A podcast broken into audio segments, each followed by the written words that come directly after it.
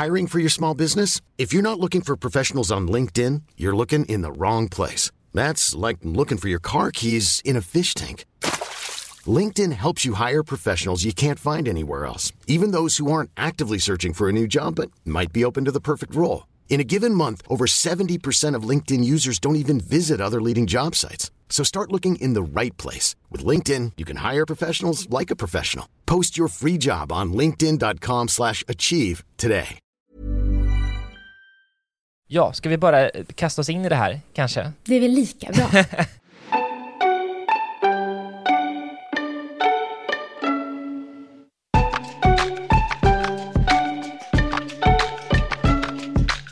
Välkomna ska ni vara till Så blir du influencer med mig, Emil Norberg. En podd där jag tar reda på hur man egentligen gör för att bli influencer. Idag pratar jag med Ella Grundel. Hon är partner manager på We Are Era, alltså Nordens största influencernätverk som finns här i Sverige. Och hon är dessutom en av de personer i Sverige som har allra mest erfarenhet av att hjälpa influencers att tjäna pengar på sitt skapande och att förverkliga sina drömmar. Eller, det här var hennes titel och arbetsuppgifter när vi pratade. Idag arbetar hon faktiskt på e-handelsjätten Amazon, så grattis Ella till det nya jobbet. Vi kommer under intervjun att slänga oss med lite förkortningar och lite branschiga uttryck från influencervärlden som kommer ganska naturligt för oss båda. Jag tror att också ni som lyssnar kommer förstå det mesta av liksom sammanhanget, men jag tänkte att vi skulle gå igenom några uttryck som kommer förekomma. Ett första uttryck är branded content och det är ju lite av ett fancy ord för reklam i olika influencers kanaler. Alltså inlägg där innehållet är beställt av och betalat för av en annonsör. Så det är egentligen alla inlägg som man ser på sociala medier som presenteras som att de är i samarbete med någon.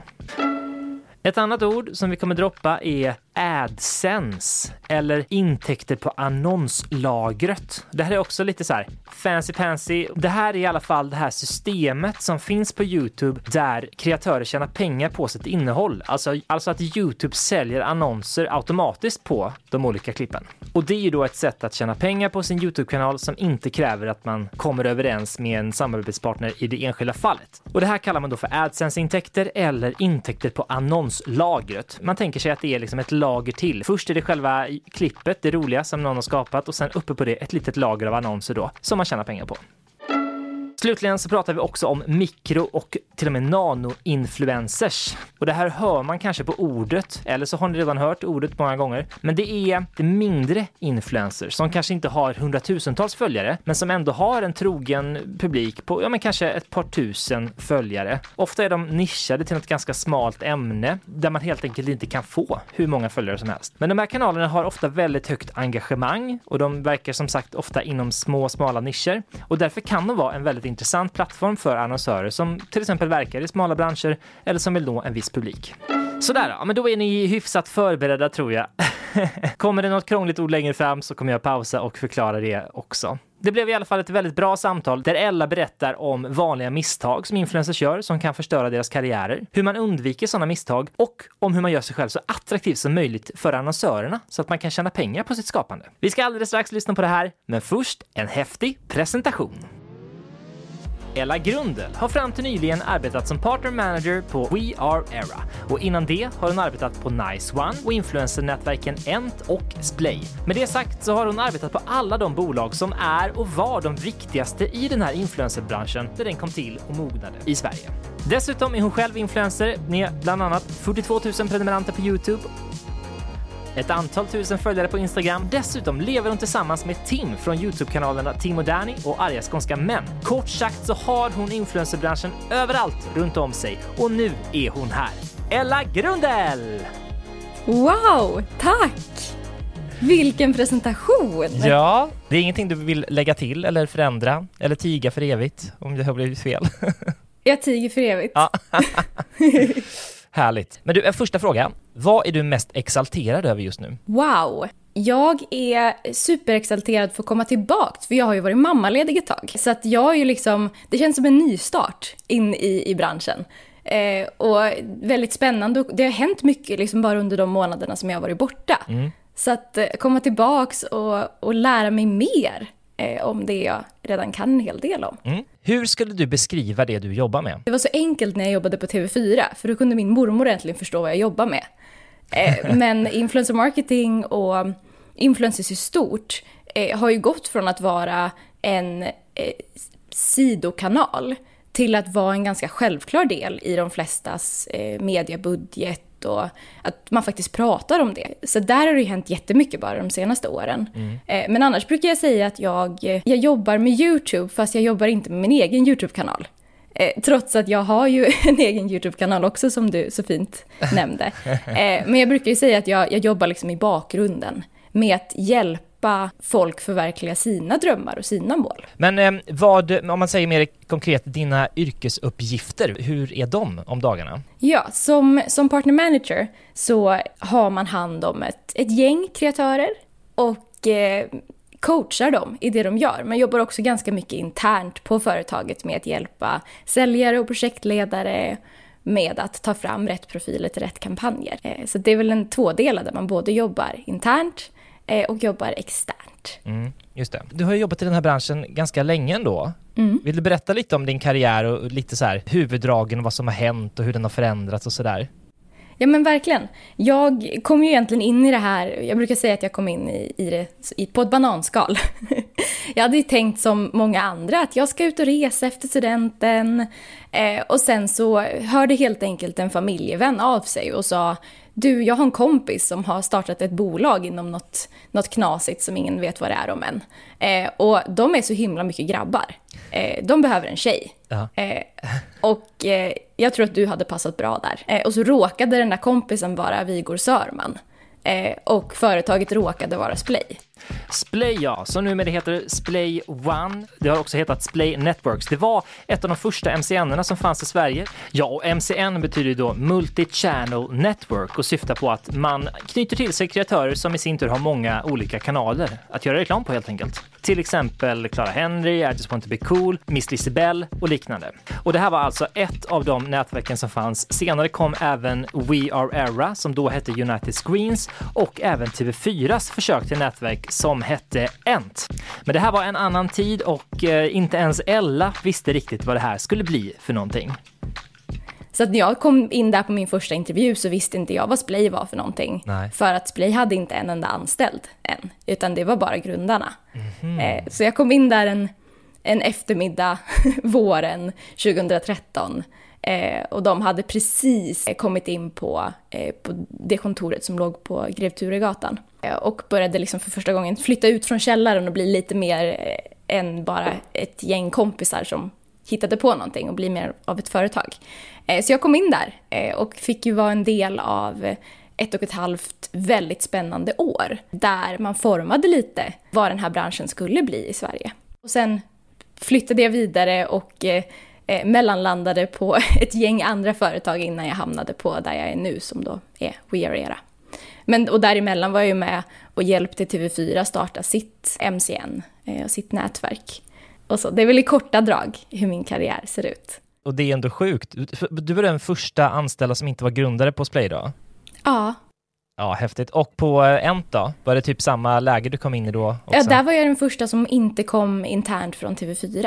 För där hade de ju satt ihop ett team på TV4 mm. eh, med personer från olika avdelningar. En säljare, en från affärsutveckling och, och lite så. Eh, och så kom, var jag den första liksom, som kom utifrån som hade egentligen någon erfarenhet av MCN-världen och influencer marketing. Så jag kom in där som, vad var jag, typ 22? 22-årig expert. för att eh, jag ändå hade jobbat längre i den branschen än vad, vad de hade gjort. Ja, vad häftigt. Eh, så du har varit med, du har haft dina fingrar med i spelet i alla de här stora satsningarna då? Ja, det var först eh, när jag kom till då United Screens som var liksom redan ett etablerat bolag som hade funnits i ja, men, fyra år. Men det har hänt väldigt mycket under de senaste fem och ett halvt åren när jag varit på det företaget. Vad är det roligaste med ditt jobb? Jag brukar säga att det roligaste är att, att få jobba med människor utan att eh, liksom ansvara för deras liv. Mm. Såklart så är man ju, man är ju en stor del av livet för att det handlar ju om mycket ekonomi. Eh, men att få jobba med människor och just som jag var inne på i början, att hjälpa dem förverkliga eh, sina drömmar och bli bättre på det de gör. Och inte som annars när man jobbar med människor så kanske man jobbar med att ta hand om människor och man jobbar inom skola eller vård och så. Men jag får jobba på en väldigt lyxig sida av att jobba med människor. Skulle du säga att det finns några myter eller missuppfattningar om den här branschen? Det finns så mycket. Eh, någonting som man har brottats med länge är ju att det är liksom unga bortskämda människor Ja. som är influencers. Och när man inte ser hur mycket jobb som faktiskt ligger bakom och hur mycket tid allting tar. Eh, som, liksom, som följare så ser man ju kanske den där videon som kommer ut på YouTube som bara är 18 minuter lång. Eh, Och man ser inte att det där kanske är liksom tre dagars arbete eh, bakom. Eh, så det, det är verkligen en stor myt att så här, nej, men det är väl bara att spela in någonting och, och lägga upp det någonstans. Och det är också någonting som många stöter på när de till exempel vill testa på och hålla på med YouTube eller andra sociala medier. Att man tror att det är ju bara att filma och det är ju bara att lägga upp. Om vi liksom vänder istället från liksom influencer marketing-perspektivet så är det ju eh, väldigt många som ifrågasätter prissättningen till exempel. Att man kanske kommer från eh, andra delar av mediebranschen. Man kanske kommer från tv eller från radio eller print eh, och är van att man har ett, ett CPM eller man har en cost per mil eh, där man betalar en fast summa för hur många visningar man får eller eh, hur många som ser det. Medan inom influencer marketing så handlar det ju väldigt mycket om varumärke också. CPM, alltså cost per mil. Det är ett mått som annonsörer har för att jämföra då hur mycket det kostar att nå tusen personer på olika plattformar eller med olika medier. Och det är ett mått som inte riktigt fungerar i influencer marketing. Man betalar ju faktiskt för att synas tillsammans med en person och att allt det jobbet som den personen har gjort inför för att bygga upp det här varumärket. Det är egentligen det man också betalar för. För att det går ju inte att såklart att det finns personer som har slagit igenom över en natt, men då har man kanske inte samma, samma trovärdighet som man har byggt upp över alla år för att, för att kunna göra det man gör. Varför är den här så dyr för? Det är en jättevanlig eh, fråga som vi får när man i kontakt med någon för första gången som aldrig har jobbat med, med det här förut. Ja, men titta på vad den här har för varumärke och vad det faktiskt är du köper. Visst, det kanske bara är några tusen som du kommer nå. Och köper du en, en tv-annons, ja men då kanske du når miljoner. Ja. Men vad får du för dina pengar? Jo, du får absolut bästa sändningstid och den här personen kommer prata om din produkt. Ja. Eh, så det är ju verkligen, det går inte att jämföra. Du kan ju det här jättebra. Jag har ändå en uppfattning ungefär hur branschen ser ut. Men om du skulle behöva beskriva lite mer för någon som inte är så insatt. Det finns ju egentligen, om vi pratar om liksom MPN-spåret, Multiplatform Networks, som egentligen är eh, det, det, stora namnet för MCN där jag jobbar. Där finns det ju flera spår. Det finns ju både ren liksom, reklam, att man faktiskt annonserar runt om innehållet med pre-rolls och mid-rolls och ja, all den annonseringen. Och på till exempel bloggar, att man har banners och annonser runt omkring. Och sen finns ju influencer marketing. Allting handlar ju om att det är ett företag som vill placera sin, sina tjänster eller produkter i ett samband eh, som de vet också att det, det, kommer förhoppningsvis ge väldigt mycket mer än att man bara köper en, en tv-annons. Men ekonomin i det hela handlar ju om eh, att man delar på intäkterna. Att det är många olika steg. Precis som att eh, ett företag anställer en mediebyrå för att sköta om deras annonsering. Mm. Så är det influencers som, som jobbar med agenturer eller eh, andra bolag som hjälper dem att tjäna de här pengarna. Eller av den summan kunden betalar så går en del till agenturen eller NPM som hjälper till att matcha influensen med en kund. Sen så Ja. får influensen resten. Ja, Mm. exakt. Har du någon uppfattning om hur stor del av ekonomin är den här typen av liksom annonslagret på eh, plattformar och hur mycket är branded content? Vilken spännande fråga. Jag skulle säga att det varierar. Det varierar också lite eh, bara på året. Det går upp och ner beroende på vad som man är intresserad av och man såg ju väldigt mycket under pandemin att billigare annonsformat fick ta plats. Där man kanske inte hade möjligheten att lägga de stora pengarna för att man var rädd för företagets eh, överlevnad. Så man, man tog sig till billigare annonsformat. Och där eh, de här annonserna runt omkring ju är ja, men, billiga per nedslag. Sen betyder inte det att, man får mindre eller mer för pengarna, utan det handlar om hur man väljer att annonsera.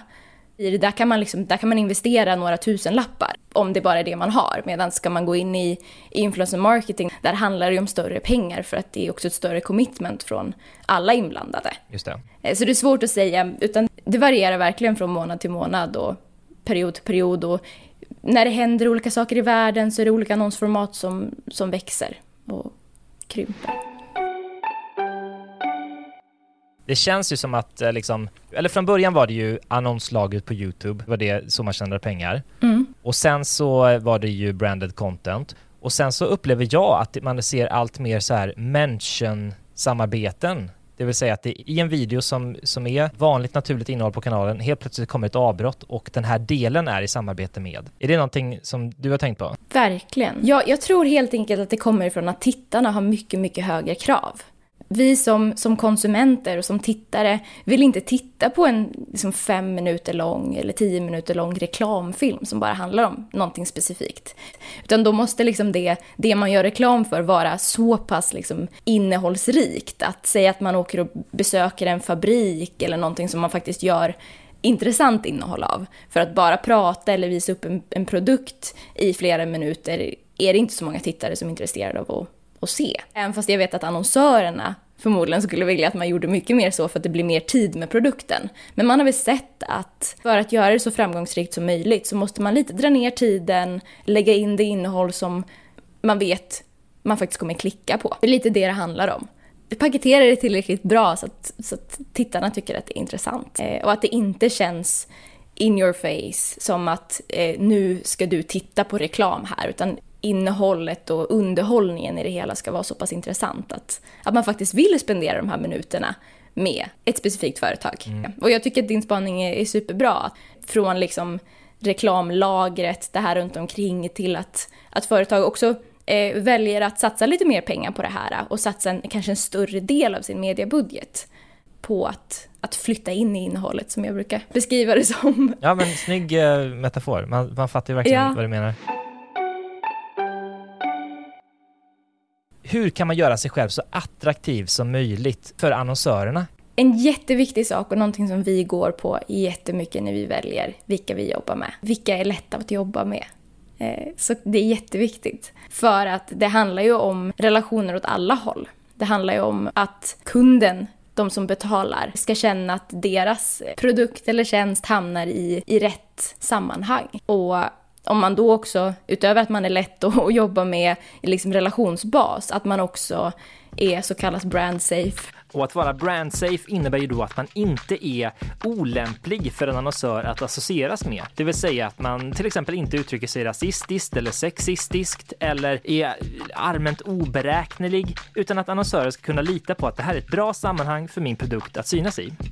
Och brand safe behöver inte betyda att man håller med om allt och är liksom en, en väldigt mellanmjölkperson eller vad man ska kalla det. Mm. Man kan vara liksom outspoken, man kan vara driven, man kan berätta vad man tycker och tänker och fortfarande vara brand safe. Det handlar mer om, om att kanske välja att inte gå in i vissa debatter, eh, vissa situationer. Vara en, var en vettig människa egentligen. Det är egentligen det det handlar om och inte starta eh, onödiga bråk mm. med folk. Även fast vi kommer ju från en liksom, bloggvärld där att starta bråk med folk var så man växte. Ja. eh, och det har vi ju sett mycket på liksom, inom ja, influencervärlden också, att här, man växer mycket på att starta bråk med folk. Så att eh, det är klart att det kan vara en strategi, men också tänka på det då. Att så här, vill jag växa fort och starta bråk med folk så kanske inte företag vill jobba med mig. Om jag vill bli känd, absolut kör på. Men om jag också vill kanske kunna leva på det här, eh, så är det en, en bra plan att ha från början. Att vem vill jag ses som? Eh, vilka företag vill jag jobba med? Ja. Där vissa företag har helt otroliga listor eh, med vad de vill och inte vill jobba med. Det är superviktigt att för vissa företag att man inte har uttalat sig om vissa saker eller att man inte har jobbat med vissa företag och sådär. Så det är en bra sak att ha. Okej, okay, men det är liksom relationsdelen. Mm. Men om man tänker, man måste väl vara över någon slags tröskel i följare och räckvidd, eller? Ja, både och. Youtube har ju sina thresholds där man måste ha ett visst antal eh, följare, ett visst antal visningar. eh, för att ens kunna tjäna pengar på, på den sortens annonsering. Och innan dess kan ju inte vi heller jobba med, med profiler på, på plattformen YouTube. Men sen ser vi ju att det i perioder så eh, är det ju många företag som hellre kanske vill jobba med, med mikro eller nano eh, influencers.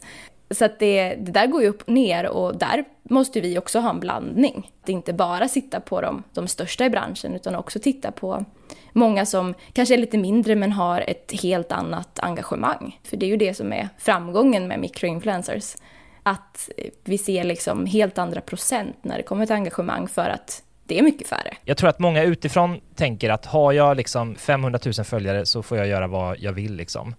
Och jag tror att 2013 så var det så. Men både företag och alla runt omkring har blivit väldigt mycket duktigare på att titta på vilka är det faktiskt som följer mig? Ja. Eh, om vi liksom pratar mer om den frågan du ställde innan med liksom, om man ska bli influencer, vad, vad ska man tänka på? Det är också en jättebra sak att tänka på att var vill jag ha mina följare? Vill jag ha en halv miljon följare i Indien?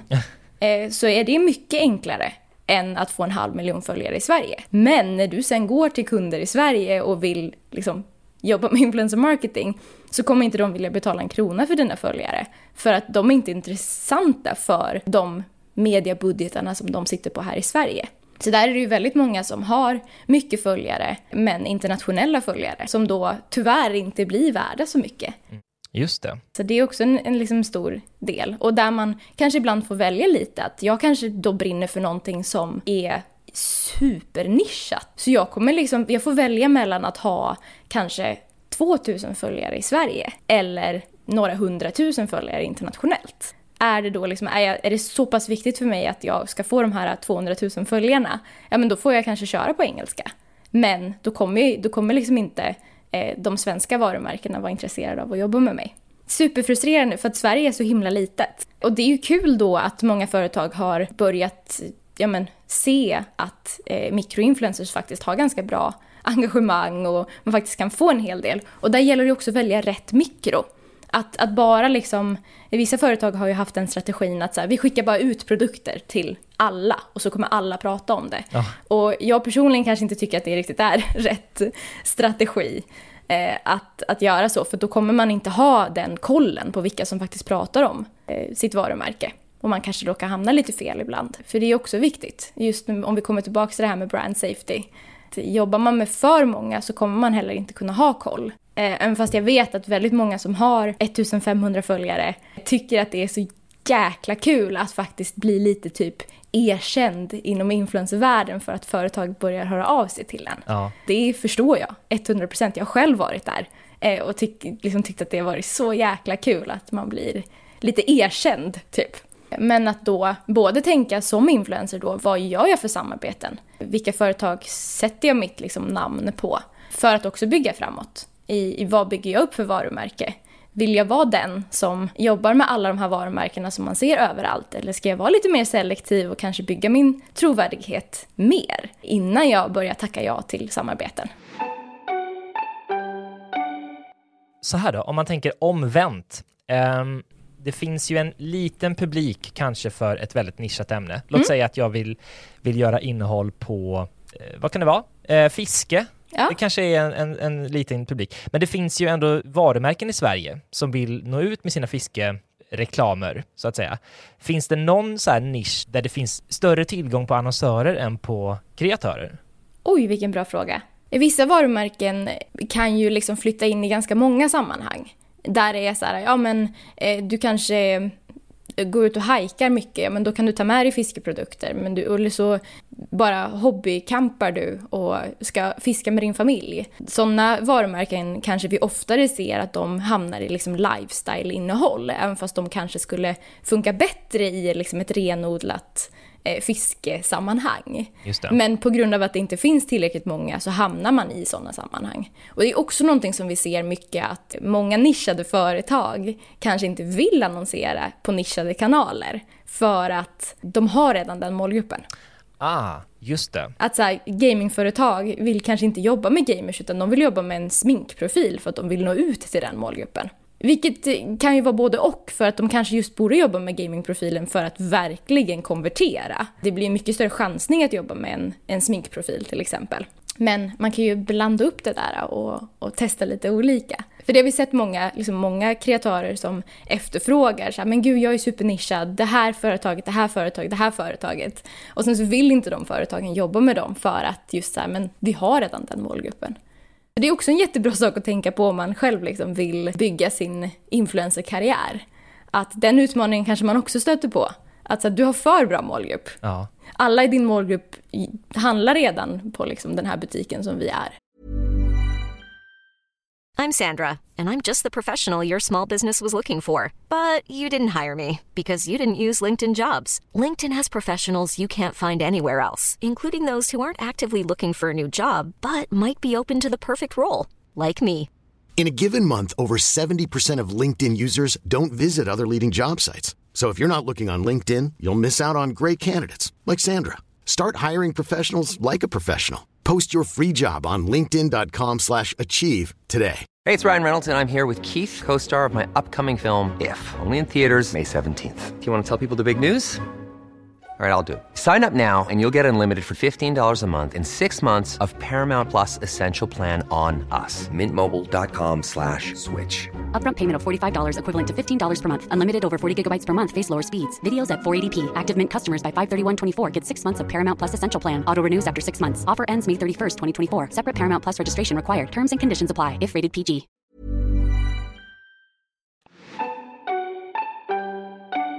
Om man säger så här då, genom, um, genom åren mm, så måste du ju ha sett väldigt många influenser komma och gå. De kan ju ha försvunnit av olika skäl, kanske bara tröttnat, eller så har de gjort någonting fel som gjort att de inte lyckats hålla sig kvar. Har du någon tanke om några misstag som folk brukar begå? En sak som jag eh, faktiskt säger till många när jag pratar med dem, eh, som är ett misstag som är väldigt, eh, det är väldigt lätt att göra det, det är att gå heltid för fort. Man får mycket följare, man får många företag som vill göra samarbeten med en. Plötsligt så fakturerar man liksom 100 000 kronor i månaden. Ja. Och man går från att eh, liksom jobba på Pressbyrån och, och tjäna 23. Eh, och då känner man så här, men shit, jag tjänar ju jättemycket pengar. Jag, jag säger upp mig direkt från mitt vanliga jobb. Eller jag hoppar av skolan. Jag behöver inte plugga vidare till det här för jag har ju en karriär här. Ja. Och sen så, i och med att det är en, en bransch som går upp och ner. Ibland kanske du inte får ett samarbete på flera månader, ibland kanske du får fem samarbeten på en och samma månad. Så att det är inget, det är inget ständigt flöde av pengar. Och så, så händer det någonting, en algoritm ändras. Eh, precis det, den genren man själv håller på med är inte li, lika het längre. Nej. Som då skiftar fokuset från att så här, gud vad kul det är att skapa, till satan, jag kan inte betala hyran den här månaden. Som då gör att man kanske måste ta ett samarbete som man inte riktigt står för. Man måste kanske lägga ut dubbelt så många videos som man egentligen hade tänkt att göra och behöver jobba så mycket att det faktiskt inte är kul längre. Stressigt. Och att man då tröttnar av den anledningen. För att man inte kan, man kan inte göra det man började med. Man kan inte göra det bara för att man brinner för det. Utan det blir, det blir så mycket krav på det för att man har en hyra att betala. Så det är en sån grej som jag alltid säger att vänta innan du går heltid. Se till så att du har liksom pengar för att klara dig ett år. För du vill inte stå där och behöva liksom rucka på din egna moral och det du faktiskt brinner för. Eh, bara för att du blir stressad av det ekonomiska. Så där har jag faktiskt sett en hel del kreatörer falla bort. Vilket tror du är det viktigaste personlighetsdraget om man ska bli en framgångsrik influencer? Jag har funderat jättemycket på det här. Eh, och det är såklart att det beror jättemycket på vilken genre man går in i. Men någonting som jag tror att har stoppat mig från att bli mer framgångsrik än vad jag är. Trots att jag har haft alla förutsättningar, jag har gått varenda kurs, jag kan liksom det mesta om det här. Så är det att våga ta lite mer plats, våga vara i vägen. Eh, våga plocka upp kameran i obekväma situationer. Att liksom ta den där bilden när du käkar lunch med den där coola personen. Ja, Så här, när du hamnar i de sammanhangen. ja, Eh, att, att så här, du behöver inte vara en person som liksom säger hej, här kommer jag. Man behöver inte ha den personligheten för att lyckas som influencer. Men bara att, så här, att vara lite osvensk. Att, eh, att, att visa att man är i, i sammanhang som andra kanske tycker är intressanta. Om vi pratar liksom lifestyle-genren. Man, måste, man måste våga för att eh, bli mer intressant. Ja. Sen skulle jag säga att man behöver inte vara en person som, som vräker ut sitt privatliv. Man kan fortfarande vara ganska privat och, och lyckas. Man behöver bara hitta sin grej och vad som liksom man själv tycker är kul och vad eh, man känner får dela med sig av. Det finns så många framgångsrika influencers som inte har berättat att de ska ha barn och det plötsligt bara existerar en unge i bakgrunden Ja. och man tänker, här, var, var kom den där ifrån? Så att man behöver liksom inte göra content av sitt privatliv för att lyckas. Det, det går jättebra. Den där fiskekanalen som du verkar drömma om, Ja. den kan du göra utan att berätta knappt vad du heter liksom. Ja, ja men precis, just det. Mm. Men du måste fortfarande våga liksom plocka upp kameran, våga liksom vara där eh, när, det, när det händer. Ja. Mm. ja, det är ibland det drar man sig för det faktiskt. Det är svårt, eh, verkligen. Det är så många situationer som man i efterhand också tänker så här, men gud varför, varför filmar jag inte Ja. det där? Varför la jag inte upp det där på story? Ja, För att man vill inte vara i vägen. nej. Jag själv har jättemycket den liksom, att så här, jag vill inte att du ska tro att jag hänger med dig bara för att du är känd. Mm, just det. Oj, oj, oj vad man brottas med det. När det egentligen inte handlar om det. För att eh, liksom, de personerna lever ju på det här. Lever ju på att dela med sig av allt. Men man vill inte vara den i det sammanhanget. Om liksom du som lyssnar på det här är på väg in i influencervärlden och känner massa influencers. Så det är ju så många har blivit stora. Att man råkar hänga i samma sammanhang. Är det viktigt att samarbeta med andra kreatörer tror du? Både och. Det beror också lite på genre skulle jag säga. Det är ju ett väldigt enkelt sätt att ta sig fram. Sen finns det ingen garanti att man liksom lyckas bara för att man hänger med, med andra. Men att hjälpa till att bygga varandra. Och det där, det handlar ju inte om att så här, ja men okej, jag är kompis med Bianca Ingrosso, nu måste jag ju liksom lägga upp att jag hänger med Bianca Ingrosso. Det kan lika gärna vara att så här, ja men jag har en kompis här som har 4000 följare på Instagram. Ska vi hitta på någonting? Och jag är ju liksom en sucker för att man ska alltid, man ska alltid ge ett värde i det. Inte bara liksom follow for follow. Visa upp varför man ska följa den här kompisen. Visa upp kompisen eller, eller den här andra personen som har mycket följare eh, i liksom din, dina sammanhang på ett naturligt organiskt sätt. För det, det är många som har blivit stora på det sättet också i att bara säga, men titta, följ den här personen. Hjälp den här personen få så här många följare. Men risken i det är att det, det är inte genuint. Jag som då konsument kommer gå in och följa den där bara för att jag följer dig och tycker att det du gör är bra. Men om det här inte matchar sen med mina förväntningar så är det ganska stor risk att jag avföljer om några veckor när jag inser att så här, men gud, det här vill inte jag ha i mitt flöde. Mm. Om jag istället får av dig en, liksom, en bra presentation som är genuin, som är att så här, men gud, titta på det här. De här kanske liknar mig, eller de kanske kompletterar mig i det jag gör. Det gör att jag liksom självmant vill gå in och följa den här personen. Det är ett mycket liksom mer långsiktigt sätt att bygga följare. Av erfarenhet så blir det oftast inte så långvarigt när det är liksom follow for follow. Och liksom om man, om man tittar tillbaks i tiden, liksom om vi pratar collab-tiden på, på YouTube, så är det någonting som har byggt några av de största vi har idag. Och att heller inte kanske vara rädd för att fråga. För det kommer tillbaks lite till det här med att vilken personlighet behöver man ha för att lyckas som influencer? Ja. Att bara våga ställa frågan. Och att inte så här, hör inte av dig till Tone Sekelius och fråga om ni kan göra en collab. Utan håll koll lite på så här, vad har du runt omkring dig som är kanske bara några tusen följare större än, än där du är. Eh, och börja där och bygg därifrån. Ni är ju väldigt stora och jag förstår, ni har, har inte liksom knutit an alla kreatörer som finns i Sverige till er naturligtvis. Men har du någon uppfattning ändå om hur stor den här branschen är? Hur många influenser säljs det reklam på i Sverige? Det, alltså, det är ju definitivt tusen, några tusen. Sen skulle jag inte säga att det finns flera tusen som kanske kan leva på det. Där kanske vi snarare pratar om några hundra som faktiskt kan leva på att vara en influencer. Men det är ju definitivt tusentals i Sverige som det säljs på. Och vissa har ju kanske en helt annan karriär vid sidan av, men mer har liksom influencerskapet som en liksom extrainkomst eller bara för att man brinner för det. Medan då andra eh, verkligen lever på det. Men det är en stor bransch. När man tänker så här på rak arm så kanske man kommer på ett, ett tiotal. Som bara, ja men den och den och den. Men alltså det är, det är hundratals i Sverige som faktiskt lever på det. Vad har ni liksom för verktyg för att utvärdera hur samarbetet gick? Det finns ju typ en miljon olika verktyg på marknaden skulle jag säga. Det handlar ju snarare om vilka typ parametrar man kanske eh, mäter på. Och det handlar ju också egentligen med eh, vad man har satt upp innan. Där vissa kampanjer kanske bara handlar om varumärkesbyggande. Andra kanske har en supertydlig call to action där man liksom säger okej, okay, vårt mål är att vi ska sälja 350 stycken av det här. Och då har man ett jättetydligt mått att mäta en kampanj på. Att säga, ja, nådde vi målen? Ja, bra. Så det där är ju verkligen från kampanj till kampanj och det viktigaste är ju att sätta upp rätt förutsättningar för att lyckas. Så att man också vet sen vad man ska mäta det på.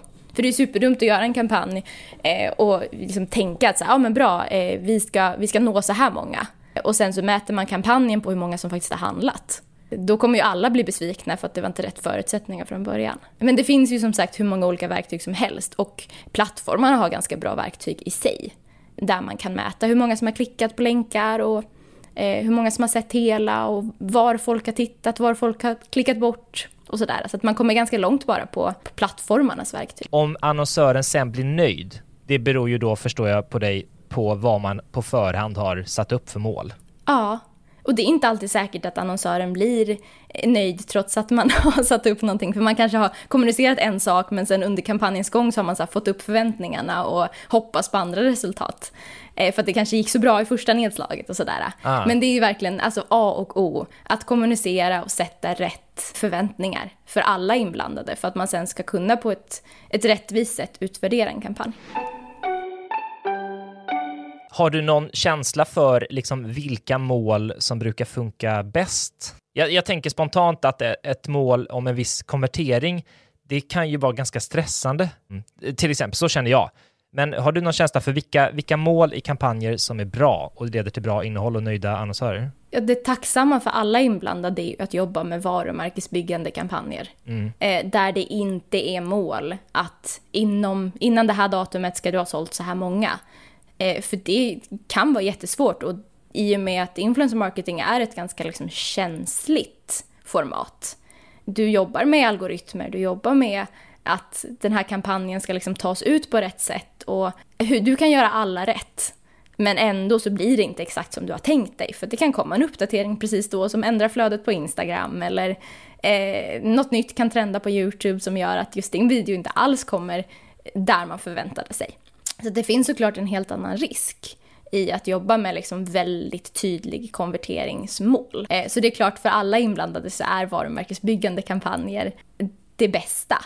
Men sen kommer vi alltid landa i att de här rabattkoderna kommer vara en stor del av det för att i och med att influencer marketing är ett ganska snabbt fortfarande eh, forum man kan få ut en kampanj relativt fort. Det är också någonting som hela branschen jobbar för att vi ska komma ifrån lite. För att man ska kunna jobba lite mer proaktivt. Men det är ju enkelt att vara så här, okej, okay, vi har en kampanj just nu, vi behöver någon som pratar om det. Vi hör av oss till influencers. Härligt, då går det fort, vi får ut det. Mm. Men just att, så här, att vara supernoggrann med att både liksom som, som influencer, att man kommunicerar så här, vad mäts jag på? Eh, så att man slipper sitta med den där stressen i att säga okej, okay, nu har jag en rabattkod här, betyder det då att om inte jag säljer för x antal kronor så kommer de aldrig vilja jobba med mig igen? Mm. Att kommunicera det och prata med, med kunden, alltså, vad, vad har ni för förväntningar på mig? Vad kommer jag mätas på och vad krävs för att ni ska vara nöjda med det här samarbetet? Så att man också kan hjälpa till att utforma samarbetet i att okej, okay, men om, om ni kommer mäta mig på de här grejerna, då tycker jag kanske bättre att vi lägger upp det så här. Till exempel kanske man har sett att man kanske håller på med både YouTube, TikTok och Instagram. Och eh, företaget föreslår en kampanj på YouTube som är en rabattkodskampanj. Mm. Eh, och man ser att så här, nej men i och med att mina YouTube-följare kanske inte kollar direkt, utan de kanske kollar efter två, tre veckor på den här sortens videos. Och rabattkoden gäller ju bara i fem dagar. Mm. Är det inte bättre då att, att göra ett Instagram-inlägg med den här rabattkoden för att där tittar folk direkt? Mm, just eh, och så kan vi göra en varumärkesbyggande kampanj på YouTube eh, där liksom mitt innehåll kanske är lite mer evergreen. Mm, precis. Eh, och lever lite längre. Eh, så att man också kan komma in som expert på sina egna följare. För att allas mål är ju att kampanjen ska gå så bra som möjligt. Och så, här, så länge man kan argumentera för sin sak så kommer det också vara väl mottaget. Att bara säga att nej jag vill inte göra YouTube. Ja. Det, det kanske man inte kommer så långt på. Men att säga så här, nej men så här fungerar mina följare på YouTube, jag tycker att det här är ett bättre alternativ. Eh, då kommer alla tycka att så här, gud vad bra du är. Eh, tack! Och sen kanske det blir så här, nej men tyvärr den här kampanjen ska gå på YouTube. Eh, och då får man också ta det. Att säga, okej okay, men jag kommer ju förmodligen inte kunna leverera på den här kampanjen på YouTube, så att jag kanske inte är rätt för det här samarbetet. Och då kommer man istället förhoppningsvis vara så att den här kunden kommer vara så nöjd med dig så att den hör av sig nästa gång den har en kampanj på Instagram. Att man istället vänder det så. Kan man säga någonting om vad kunder oftast blir missnöjda med när de är missnöjda? Mm. När, när, kunder är missnöjda så handlar det ofta om att någon i ledet har misslyckats med att kommunicera Eh, rätt förväntningar. Det handlar ju ofta om en hel del pengar. Kunder kanske har förväntat sig att okej okay, nu investerar jag 100 000 kronor här, då kommer jag sälja för 150 000. Och det är inte alltid säkert att man liksom säljer på just den kampanjen för mer pengar än vad man investerade. Men om man tittar på, om man slår ut det på ett år, så är det såklart att du kommer ha liksom en en medieinvestering som resulterar i mer försäljning. Men att titta på ett för kort, en för snäv tidsplan är ofta en grej som kunder kan bli missnöjda på. På tal om det då, vad skulle du säga är den största utmaningen i branschen som det ser ut nu? Det är egentligen en grej som har liksom legat med länge, speciellt om vi pratar mikroinfluencers, det är ju att inte veta sitt värde. Ja. Att, att man är så glad att man blir uppmärksammad att man tackar ja till nästan vad som helst. Man tackar ja till en produkt eller att få 200 kronor för att lägga upp någonting på Instagram. Och så ser man inte att så här, men herregud, jag har ju tusen pers som interagerar med mitt innehåll. Det här är ju värt jättemycket för den kunden. Och eh, det här är ju någonting som många har pratat om länge, men så länge det finns personer som tackar ja till det så kommer vi inte komma ifrån det. Men hur ska man veta sitt värde då? Alltså det kommer ju ibland appar och tjänster som, som översätter ens följarantal till mm. vad man borde ta betalt och sådär. Hur ska man tänka? Jag skulle säga att eh, de här apparna som ska räkna ut ens värde inte stämmer särskilt bra. Speciellt inte om du har lite följare. För att de räknar ingenting på vad ditt varumärke är värt. De tittar verkligen bara på så här, okej okay, du har 5000 följare, då ska du få 300 kronor. För de räknar på så här, har du 3 miljoner följare så kan du inte få liksom en krona per följare. Och 3 miljoner för ett Instagram-inlägg liksom. Så därför blir det ganska missvisande när man inte har så mycket följare. Det absolut bästa sättet att gemensamt få upp sitt pris, det är att prata med andra som är ungefär lika stora. Faktiskt. Det finns liksom ingen, ingen genväg. Men att när du börjar få lite följare och när du börjar få lite frågor, kolla runt. Är det andra som har gjort samarbete med, med samma företag som kanske har frågat mig? Eh, hör av dig till någon, liksom, Instagram DMa någon som har jobbat med det här företaget och också fråga om så här, vad är dina erfarenheter av att jobba med det här företaget? Och håll dig då liksom till ja, men dina fellow mikroinfluencers. Hör av dig till andra som också har några tusen följare. Och om du ser då att den svarar att nej men jag fick ingenting betalt, så kan ni också tillsammans komma överens om att okej, okay, nästa gång vi pratar med företaget, då ska vi kräva det här. Just det. Så att det blir som, blir som ett kedjebrev eller så, och så att man faktiskt inte ruckar på det. Nej. Nu är jag fullt medveten om att alla kan ha ekonomiska liksom, olikheter och olika utmaningar. Men eh, förhoppningsvis så går inte din ekonomi ihop på att du får 300 kronor på ett Instagram-inlägg. Nej. Utan du, du förhoppningsvis kan du liksom gambla lite med den och säga att nej, nej, nej, jag ska ha 1000 kronor för det här, annars gör jag det inte. Eh, för att de där 300 kronorna, det blir 150 kronor efter att du har betalat skatt på det. Medan den där tusenlappen, den blir faktiskt en 500 Så där kan du faktiskt göra skillnad på din ekonomi. Så att man liksom vågar gambla lite för att vinna lite mer också. Mm. Och om vi gemensamt går ihop och säger att alla som har 2000 följare ska ha en tusenlapp för det här samarbetet, då kan inte heller eh, företaget i det här fallet säga nej till slut. Vad tror du om framtiden för ekonomin i influencerbranschen? Jag tror att vi kommer titta på väldigt mycket mer ambassadörskap. Att man knyter upp en profil på ett väldigt mycket längre, eh, ett längre intervall, en längre tid. Eh, någonting som både är efterfrågat från kreatörer och från många andra företag. Det bygger ju också trovärdighet. Det har varit efterfrågat länge och nu börjar företagen lite haka på för att nu har det gått så många år så att de flesta företagen har testat influencer marketing och sett att så här, om man bara prickar rätt så kan det bli riktigt bra. Så det, det, tror jag absolut är någonting som vi kommer se mer i framtiden. Jag ser det som en, en jätterolig utveckling. För att det gör också att man kanske kan jobba med lite färre, men värre. Och att det blir Man blir ju verkligen en ambassadör för företaget då. Och det blir också en tryggare bransch där man kanske redan i början av året kan säkra ett samarbete som vet att man kanske har åtminstone en fjärdedel av sin årsinkomst täckt. Och det är ju fantastiskt. Finns det någon mer trend du tror man kan se mer utav? Ja, men mikro till exempel och nano, den grejen. Är det någonting som kommer komma?